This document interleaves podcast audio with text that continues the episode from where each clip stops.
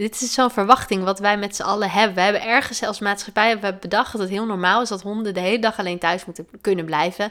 En wij vinden het allemaal heel raar als een hond dat niet kan. Hey, ik ben Ankie en dit is de In Verbinding met Je Dier podcast. Leuk dat je luistert. Ja, lieve mensen, hallo. Welkom terug bij een nieuwe aflevering van de In Verbinding met Je Dier podcast. Super leuk dat je er bent en super leuk dat je weer luistert. Um, voor ik ga voor ik overga op het onderwerp wat ik vandaag met jullie wil bespreken, heb ik even twee leuke dingen die ik met jullie wil delen. Allereerst, als jij wil leren communiceren met dieren, dan kan dat onder andere bij mij. Er zijn natuurlijk meer mensen die, die hier cursussen in geven. Dus sowieso, of je bij wie je een cursus gaat volgen, ga een cursus volgen. Want echt, hier heb je iets aan voor de rest van je leven met al je dieren. Uh, maar als je een cursus bij mij wil volgen, ik bied al langere tijd uh, de optie aan om online een cursus bij mij te volgen. Dus dat is niet een online cursus die je zelfstandig doet, maar dat is echt videobellen, één op één, uh, waarbij ik jou dus echt heel persoonlijk meeneem in de wereld van het communiceren met dieren en je in vijf lessen leer hoe jij dit ook kan. Uh, maar daarbij komt ook nog dat ik in augustus, 19 en 20 augustus, dus op een zaterdag en een zondag in een weekend, uh, dat ik mijn allereerste live cursus ga geven. Dus live op locatie gaan we bij elkaar komen met een hele groep gelijkgestemde dierenliefhebbers die allemaal willen leren communiceren met dieren. En ik kan je nu alvast beloven, als je die cursus volgt na dat weekend, kun jij dit ook. dus um, ja, als je daar zin in hebt, als je daar meer over wil weten, stuur me even een berichtje. Ik kan er alvast wel wat meer over vertellen trouwens. De cursus kost 250 euro voor het hele weekend. Dan ben je twee dagen lekker onder de pannen bij mij. Um, niet bij mij thuis, maar de locatie waar we, waar we de cursus gaan doen is wel heel vlakbij mij, vlakbij waar ik woon. Het is in Houlen in Friesland. Um, misschien is dat voor sommige mensen in de buurt, voor anderen misschien wat verder weg. Um, op de locatie waar de cursus plaatsvindt, is ook een hele gezellige bed and breakfast. Dus als je van ver komt, kun je hier ook gewoon overnachten. Precies op, hetzelfde, op dezelfde plek. Dus dat is natuurlijk super leuk en super makkelijk. Um, er zit een lunch bij inbegrepen. En je bent dus twee dagen uh, ja, dus gaan we helemaal bezig met communiceren met dieren. En vooral heel veel oefenen, heel veel praktisch. Want tuurlijk uh, ga ik jullie ook echt wel een beetje theorie meegeven van hoe dit nou precies werkt, hoe het nou in elkaar zit. Ik ga jullie daar alles over vertellen. Nou, als je mij al wat langer volgt hier via de podcast of via social media, dan weet je dat ik heel veel en heel lang, heel uitgebreid hierover kan vertellen. Want dat vind ik echt ontzettend leuk. Weet je, het communiceren met dieren, dat is echt mijn, niet alleen mijn werk, maar ook echt mijn passie.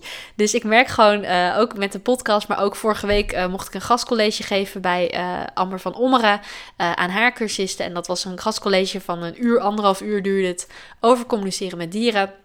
Ja, weet je, zet mij daar neer met de vraag: Nou, Ankie, kun je wat vertellen over communiceren met dieren? En ik kan bij wijze van spreken de hele dag gewoon vullen met uh, uh, hierover vertellen. Nou goed, dat ga ik ook doen in de cursus, maar dan niet de hele dag. Wat we gaan doen, die cursus is dus twee dagen. Wat we gaan doen, ik ga jullie een stukje theorie meegeven. Natuurlijk uitleggen hoe het werkt en, en wat erbij komt kijken. Er zijn ook wel wat dingen waar je rekening mee moet houden. Dus daar ga ik jullie helemaal in meenemen.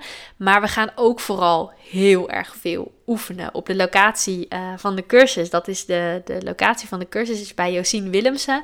Zij is eerder te gast geweest in deze podcast, aflevering 97, als ik het uh, goed heb.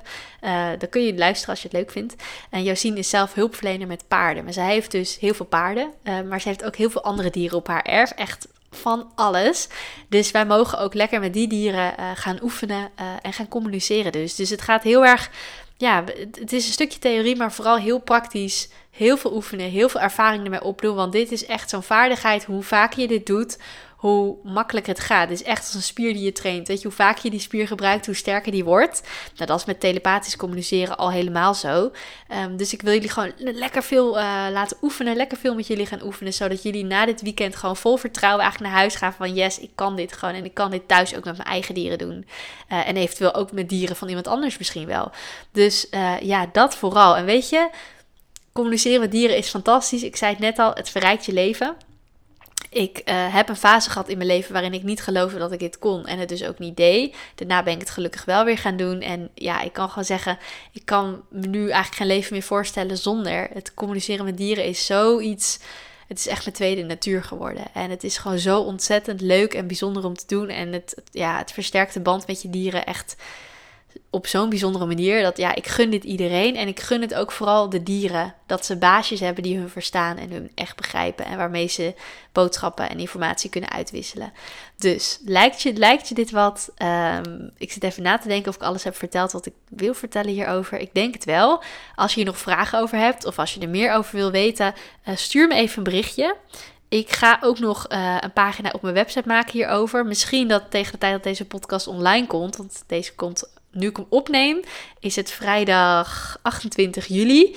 Dus nu moet ik de webpagina nog maken. Maar goed, over een week komt deze podcast online. Dus misschien vind je er dan ook al, heb ik die pagina op mijn website dan al af en vind je er dan al meer informatie over. Um, maar je mag me ook gewoon een berichtje sturen en dan, uh, dan uh, beantwoord ik al je vragen met heel veel liefde.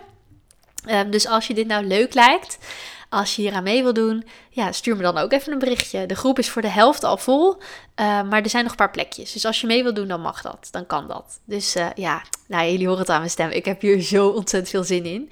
En het tweede ding wat ik met jullie wil delen, maar daar heb ik net eigenlijk al een beetje uh, over verteld, was dus het gastcollege wat ik mocht geven aan de cursisten van Amber van Ommeren. Zij is ook de gast geweest hier in de podcast. Ik ben ook bij haar te gast geweest in de podcast, dus misschien heb je er al wel voorbij zien komen. Um, of misschien heb je mij al voorbij zien komen in haar podcast. Maar um, vorige week, een week geleden, nu ik deze podcast opneem, was het een week geleden, uh, mocht ik een gastcollege geven aan haar cursisten over uh, telepathisch communiceren met dieren. En oh jongens, het was fantastisch. Dit was echt fantastisch. Ik dacht ook, dit was de eerste keer dat ik zoiets deed. En daarna dacht ik echt van, wow, ik moet dit echt vaker gaan doen. Ik moet echt vaker gaan spreken over communiceren met dieren, want ik ga, mijn hart gaat er echt van aan. Het is gewoon een en al enthousiasme wat ik hierover voel. Dus als je, als je, als je denkt, oh wat leuk Ankie, oh wat interessant. Nou, uh, ik heb een, uh, weet ik veel, een of andere club of vereniging of, of weet ik veel, een groep mensen bij elkaar die geïnteresseerd is hierin. Uh, stuur me even een berichtje, want ik vind het super leuk om hierover te vertellen. Dus als je denkt, hé, hey, dat is wat voor mij, of ik ken mensen waar dit voor wat voor is, op wat voor manier dan ook, ik sta overal wel voor open, uh, stuur me even een berichtje en dan kijken we even uh, of ik wat voor je kan betekenen. Want ik vind dit zo leuk en ik wil hier zoveel over vertellen aan mensen. En gelukkig heb ik natuurlijk ook deze podcast, dus daar kan ik het ook in doen. Maar ik vind het ook heel leuk om dit echt live te doen voor, voor groepen. Het leuke is ook dat ik had als kind, uh, uh, ik heb op een Jena-plan basisschool gezeten, misschien zegt je dat wat. En daar had je, dat je eigenlijk vanaf groep 3 moest je dan spreekbeurten doen, maar het heette bij ons geen spreekbeurt, het heette dan een observatiekring. Uh, waarbij iedereen dus in een kring zat en naar jou ging kijken. En dan moest jij iets gaan vertellen als kind. Um, en ik weet nog, toen ik uh, jaar of zes was, moest ik dat voor het eerst doen. En ik vond dat helemaal spannend. Uh, maar mijn vader, um, uh, ja, wij noemen dat thuis praatjes houden. Dus op het moment dat je dus gaat voor een groep moet spreken, wij noemen dat thuis praatjes houden. Mijn vader die hield ook altijd en houdt nog steeds voor zijn werk ook heel veel praatjes voor groepen mensen. Dus ik weet nog dat ik toen ik zes jaar was, dat ik dat met mijn moeder mijn eerste observatiekring spreekbeurt dus, ging voorbereiden. Uh, en dat mijn moeder toen tegen mij zei, dat ik toen het spannend vond en dacht, ja, ik weet niet of ik dat wel kan. En dat mijn moeder toen tegen mij zei, ja, maar je vader kan dat, die is er heel goed in en jij lijkt op je vader, dus jij kunt dit ook. Dat heeft ze toen gezegd.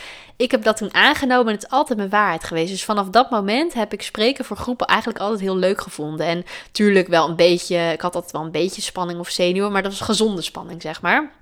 En ik vond dat super leuk. Um, en maar ik merk nu ook weer gewoon, ik vind het nog steeds heel erg leuk, maar ik merk nu ook gewoon dat juist als het over zo'n onderwerp is, dus communiceren met dieren, dat is zo mijn ding. Dat is mijn tweede natuur, zoals ik het net al noemde. Ik vind dit zo leuk dat ik ja, ik kan daar echt uren over praten en het gaat helemaal vanzelf. Dat merk je ook wel in deze podcast. Dit gaat ook helemaal vanzelf. Ik bereid hier niks voor voor. Ik bedenk even waar ik het over wil hebben en dat is het. En dat was voor het gastcollege van Amber ook. Ik ben uh, uh, een paar dagen van tevoren ben ik even met pen en papier gaan zitten en heb ik gewoon gevoeld van wat mag ik gaan vertellen. Um, waar hebben ze wat aan? Want ik wou, ik wou uitleggen hoe het werkt, maar ik wou de mensen ook een stukje praktischheid meegeven. Van oké, als jij dit gastcollege hebt gekeken, het waren dan allemaal mensen met honden. Um, wat kun je hieruit meenemen en toepassen voor je hond? Hè? Wat kun je hier nu gelijk concreet mee doen? Uh, ik hou heel erg van dat praktische stuk. En, en daarin uh, omschrijven mensen me ook vaak als heel nuchter. Omdat ik, ik heb het over iets, over een onderwerp wat vaak als heel zweverig wordt, wordt beschouwd. Maar mensen zeggen heel vaak tegen mij van ja, maar jij kan het heel nuchter uitleggen. ja, en dat is, ja, ik weet niet. Dat is gewoon, dit is mijn ding. Dit is gewoon mijn ding. En ik vond het zo leuk. Ik merkte gewoon, ik ben dus een paar dagen van tevoren ben ik met pen en papier gaan zitten. Ik had in 10 minuten had ik de hele opzet uitgewerkt. Uh, had ik op papier wat ik, wat ik wou vertellen. En toen het moment daar was, ben ik het gaan doen. En het was zo ontzettend leuk. Ik was eigenlijk ook helemaal niet zo zenuwachtig van tevoren. Of veel minder zenuwachtig dan ik had verwacht. Ja, het was gewoon ontzettend tof. Dus misschien, uh, misschien heb je het gastcollege gevolgd. Als jij cursist bent, uh, bent geweest bij Amber, dan heb je het gastcollege gevolgd of, of kunnen terugkijken. Um, en misschien heb je het ook niet kunnen volgen. Nou, dat is dan heel jammer. Ik ga vast in de toekomst nog wel vaker dit soort dingen doen. En dan zal het misschien ook wel iets zijn wat ik met, met jullie allemaal kan delen. Um, dus ja, dat gezegd hebbende, ik zie dat ik hier gewoon al 10 minuten over aan praten ben. Het is best wel lang. Oké, lang intro.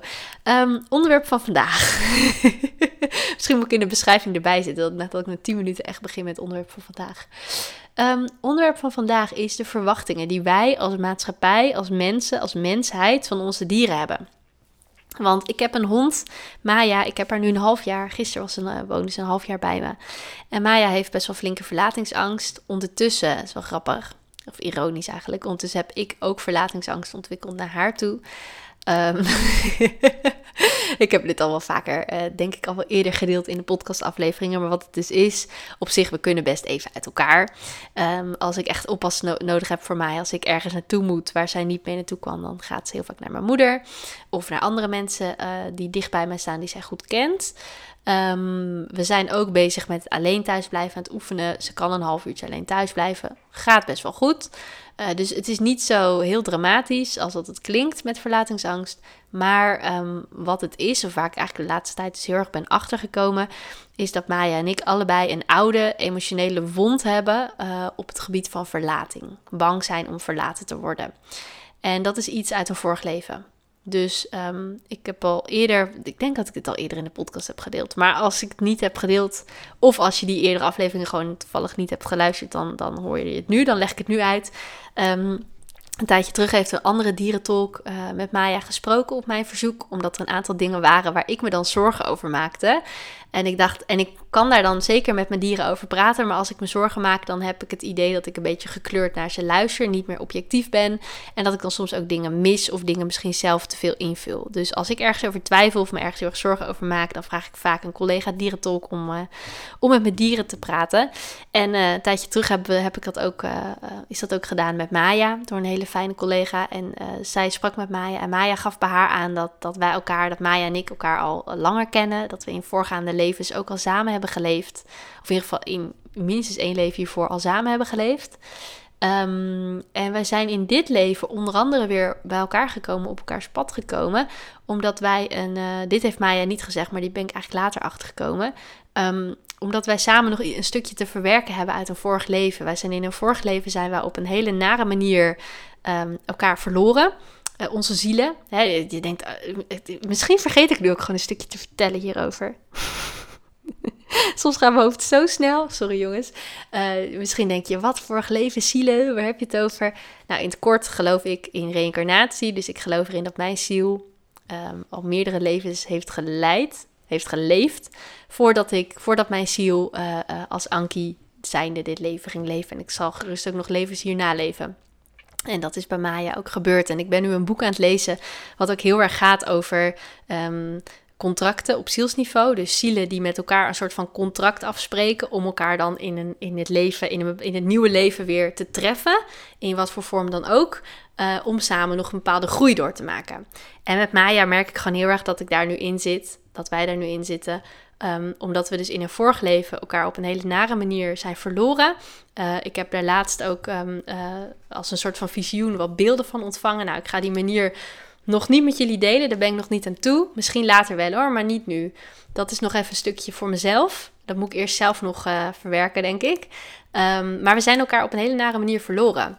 En toen hebben we dus uh, niet goed afscheid kunnen nemen. En ik heb heel erg het gevoel dat we nu in dit leven nog bij elkaar zijn om die oude emotionele wond, die toen in een eerder leven is ontstaan, om die nu te gaan verwerken. Ik weet nog niet hoe, maar ik vertrouw erop dat de juiste um, ja, de juiste mensen, de juiste dieren, de juiste ervaringen, de juiste informatie. Alles wat ik nodig heb om dit te verwerken, alles wat Maya nodig heeft om dit te verwerken, dat dat vanzelf wel uh, uh, op mijn pad komt.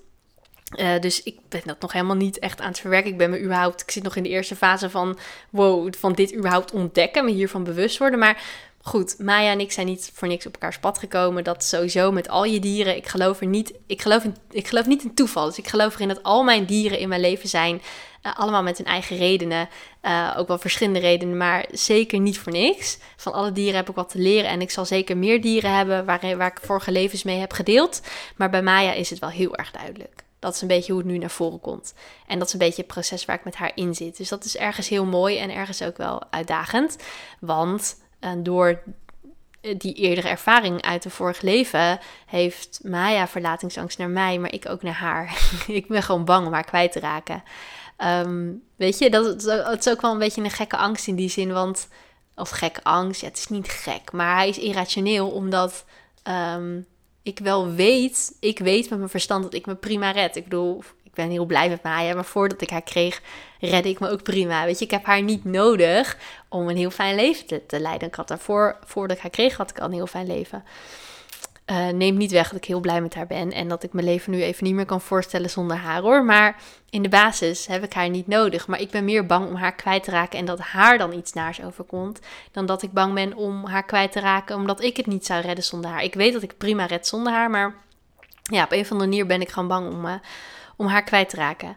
Maar goed, uh, terug naar het onderwerp. Ik ben een beetje aan het afdwalen. Misschien, ik denk dat het een langere aflevering gaat worden. Dus uh, ja, als je daar zin in hebt, blijf lekker luisteren. Heb je er geen zin in, luister je lekker niet. Uh, goed, ik heb dus een hondje met verlatingsangst. En ondertussen heb ik ook verlatingsangst ontwikkeld naar haar. Dus we zijn ermee bezig, we zijn het ook aan het oefenen. Maar we zitten ook nog in een stukje verwerking hiervan. En van die oude emotionele wond. Maar goed, nu ik dus een hond heb die uh, heel graag bij mij is en niet graag zonder mij is. En andersom ben ik ook heel graag bij haar en ben ik niet graag zonder haar.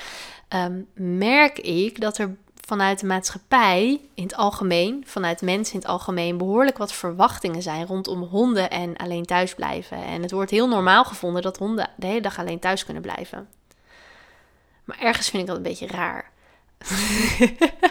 Want kijk naar paarden. Wij zijn over het algemeen zijn we het met z'n allen best wel eens dat paarden kuddedieren zijn. En dat je een paard niet alleen in de wei zet. Natuurlijk gebeurt dat nog wel eens hier en daar. Maar over het algemeen de meeste mensen, tenminste dit is wel de indruk die ik heb. De meeste mensen zijn het erover eens, een paard hoort niet alleen in de wei te staan. Paarden zijn kuddedieren en wij vinden het helemaal niet gek dat een paard bijvoorbeeld behoorlijk in paniek kan raken als, als zijn kuddegenoten weggaan en het paard alleen achter zou blijven, bijvoorbeeld. Waarom vinden we dit bij honden dan normaal? Waarom vinden we dan dat bij honden het heel normaal dat ze de hele dag alleen thuis moeten blijven? Want honden zijn ook roedeldieren, die houden ook van gezelschap. En kijk, tuurlijk, dit komt ook een beetje bij mij uit een soort van. Um, uh, weet je, het valt mij op omdat ik hier tegenaan loop met mijn hond. Um, maar los daarvan, dit is zo'n verwachting wat wij met z'n allen hebben. We hebben ergens als maatschappij hebben bedacht dat het heel normaal is dat honden de hele dag alleen thuis moeten kunnen blijven. En wij vinden het allemaal heel raar als een hond dat niet kan. En dat is een beetje hetzelfde als bijvoorbeeld met, met paarden. Dan wordt paardrijden, rijden op het paard, wordt als iets heel normaals beschouwd. En dan zeg ik niet dat dat goed of fout is, hè, want ik, ik ben dol op paardrijden. Het is fantastisch om met een paard mee te mogen liften op zijn rug. Um, ik vind dat iets heel bijzonders en ook het is gewoon fantastisch om dat te kunnen doen. Dus ik ben er zeker niet tegen. Alleen wat ik zie is dat het, het rijden op een paard, dat, dat wordt als normaal beschouwd. Hè? Dat is de verwachting die wij hebben van paarden. Kan een paard dat om wat voor reden dan ook niet aan, omdat hij dat fysiek misschien niet aan kan, of mentaal misschien niet aan kan, emotioneel niet aan kan, om wat voor reden dan ook, dan vinden wij dat met z'n allen heel raar. Als ik met mijn paard ga wandelen, krijg ik echt super vaak de vraag waarom ik er niet op zit. En dan denk ik van jongens, ook gewoon van random voorbijgangers hoor. Maar dan denk ik van ja, beste mensen. ja, jullie hebben geen idee. Snap je? Dus dat is een beetje, ja, dat zijn van die verwachtingen dat ik dan denk van waarom, waarom hebben we dit met z'n allen afgesproken? Sinds wanneer? Wat, wat, wat is hier aan de hand? En dat is met allemaal van dat soort dingen. Kijk, tuurlijk, paardrijden is fantastisch en dit is een, een groot geschenk als je paard het oké vindt dat jij op zijn rug mag zitten. En ik zie hierin ook steeds meer bewustzijn ontstaan. En steeds meer mensen die uh, hun dier daarin ook een keus proberen te geven. Hè, die bijvoorbeeld alleen op een paard terug gaan zitten als het paard het zelf ook oké vindt. Um, uh, ik zie ook mensen die, uh, ja, die daar gewoon steeds bewuster mee omgaan. Ik probeer nog even een ander voorbeeld te bedenken, maar daar kom ik zo snel niet op. Maar je snapt wel wat ik bedoel. Hè? Dat, dat, ik zie steeds meer mensen zich hier heel bewust van worden. En ook steeds meer gaan overleggen zeg maar, met hun dieren. Dus dat is echt fantastisch. Maar dan denk ik van jongens waar slaan die verwachtingen op? Want er is niks mis mee om je, je hond alleen thuis te laten. En er is niks mis mee om op je paard te rijden. Eh, dit zijn gewoon maar voorbeelden. Maar ik bedoel meer van. Zo'n verwachting kan ook de band met je dier beschadigen. Snap je? Als jij een verwachting hebt van je dier en je dier kan die verwachting niet waarmaken voor jou, ja, dat kan ook heel veel druk zetten op jullie band. En dat vind ik dan best wel zonde. Dat ik kan denken van, wow, doe even rustig aan. Want oké, ik kan nu niet met mijn paard rijden, maar we hebben nog steeds heel veel lol samen en het is nog steeds leuk. En oké, mijn hond kan niet alleen thuis blijven. Nou, dat is soms heel erg. Of nou ja, ze kan alleen thuis blijven een half uur. Maar je snapt wat ik bedoel. Ze kan, ik kan haar niet even een, een, een halve dag thuis laten. Uh, nog niet. Um, ja, oké, soms is dat heel erg onhandig en moet ik heel erg omdenken en, en op andere manier oplossingen zoeken. Maar ja, weet je, ik doe dit al een half jaar ik red me er wel mee. Dat, dus snap je? Ja, het is gewoon die verwachting. Ik, ja, soms dan struik ik daar. Of zoals nu met mijn hond en ook al met mijn paard struik ik daar een beetje over. Over die verwachtingen. Want op zich zijn verwachtingen heel goed. En kijk, soms dan kan het ook zomaar zijn dat jij een verwachting hebt van je dier. En dat je het gewoon zonder erbij na te denken, het eigenlijk, ja, misschien een beetje naïef, gewoon gaat doen. En dat het gewoon lukt en dat het gewoon goed uitpakt. Hè? Dus die verwachting, verwachting hebben is niet per se slecht. Ik denk dat het er vooral om gaat, en dat spreek ik ook voor mezelf, maar misschien is het voor jou ook wel interessant. Dat, kijk, wij hebben verwachtingen wij zijn mens. Het is heel menselijk om verwachtingen te hebben. het is echt iets wat vanuit je ego komt. Maar het is, ja, wij als mensen hebben verwachtingen. Van onze dieren, maar ook van mensen om ons heen. En, en, en van, van, ja, van, van alles. Van omstandigheden. Wij kunnen overal verwachtingen van hebben. En op zich, met die verwachting is niks mis. Want het kan ook een hele positieve verwachting zijn die je wat brengt. Of die je er ook voor zorgt dat je in actie komt. Of uh, tot actie overgaat. Of, of naar een doel nastreeft. Dus die verwachting is aan zich niet verkeerd. Ik denk alleen dat het er heel erg van afhangt van ehm, als ik iets verwacht van de ander en de ander doet dat niet of kan dat niet waarmaken, of wat voor reden dan ook. Um, wat doet het dan met mij? Ga ik dan heel ongelukkig zijn omdat de ander mijn verwachting niet kan vervullen? Of haal ik het geluk uit mezelf in plaats van uit iets externs, iets buiten mij? Ik denk dat het daar vooral om gaat. Want ik zie echt mensen die dan een paard hebben, er niet op kunnen rijden en dan een paard wegdoen. En ik kan daar niet over oordelen, want ik, ik kan niet, ik ken niet de details, ik ken niet, niet die situatie.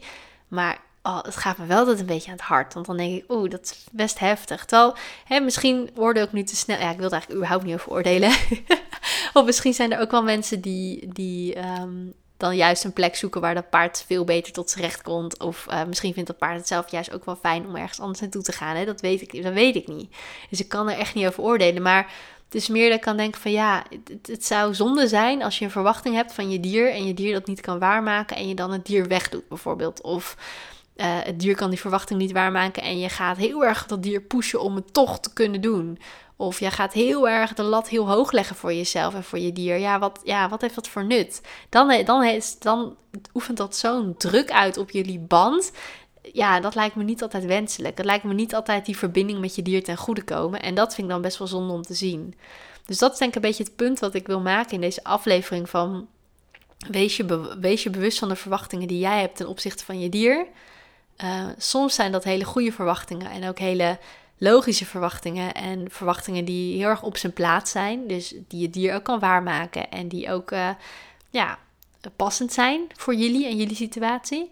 Uh, maar soms zijn het ook verwachtingen die jou en, en je dier een beetje in de weg gaan staan. Of verwachtingen die als het ware tussen jullie in gaan staan.